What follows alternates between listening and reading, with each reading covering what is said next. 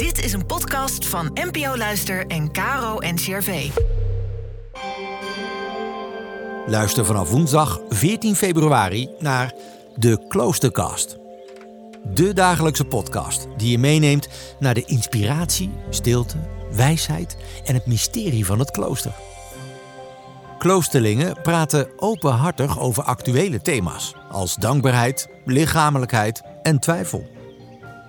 We maken een inspirerende reis langs verschillende kloosterordes.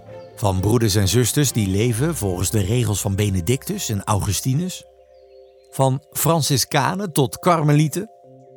Een divers gezelschap kloosterlingen, jong en oud, laat zien dat de eeuwenoude kloosterkennis verrassend relevant is. Zo vertelt kluizenaar pater Hugo Beuker over het leven zonder oordeel.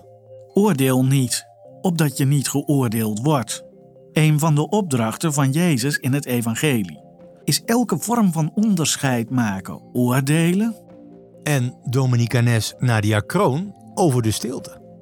Als ik daar zit, in de stilte van mijn kapel of kamer, weet ik dat voor het aangezicht van God zwijgen het meeste past. En Benedictijn Thomas Kwartier over vasten. De regel van Benedictus zegt heel duidelijk dat het vasten bij het leven hoort. Laat je inspireren door een levenslange zoektocht naar een zinvol leven. En vind rust in de hectiek van het moderne bestaan.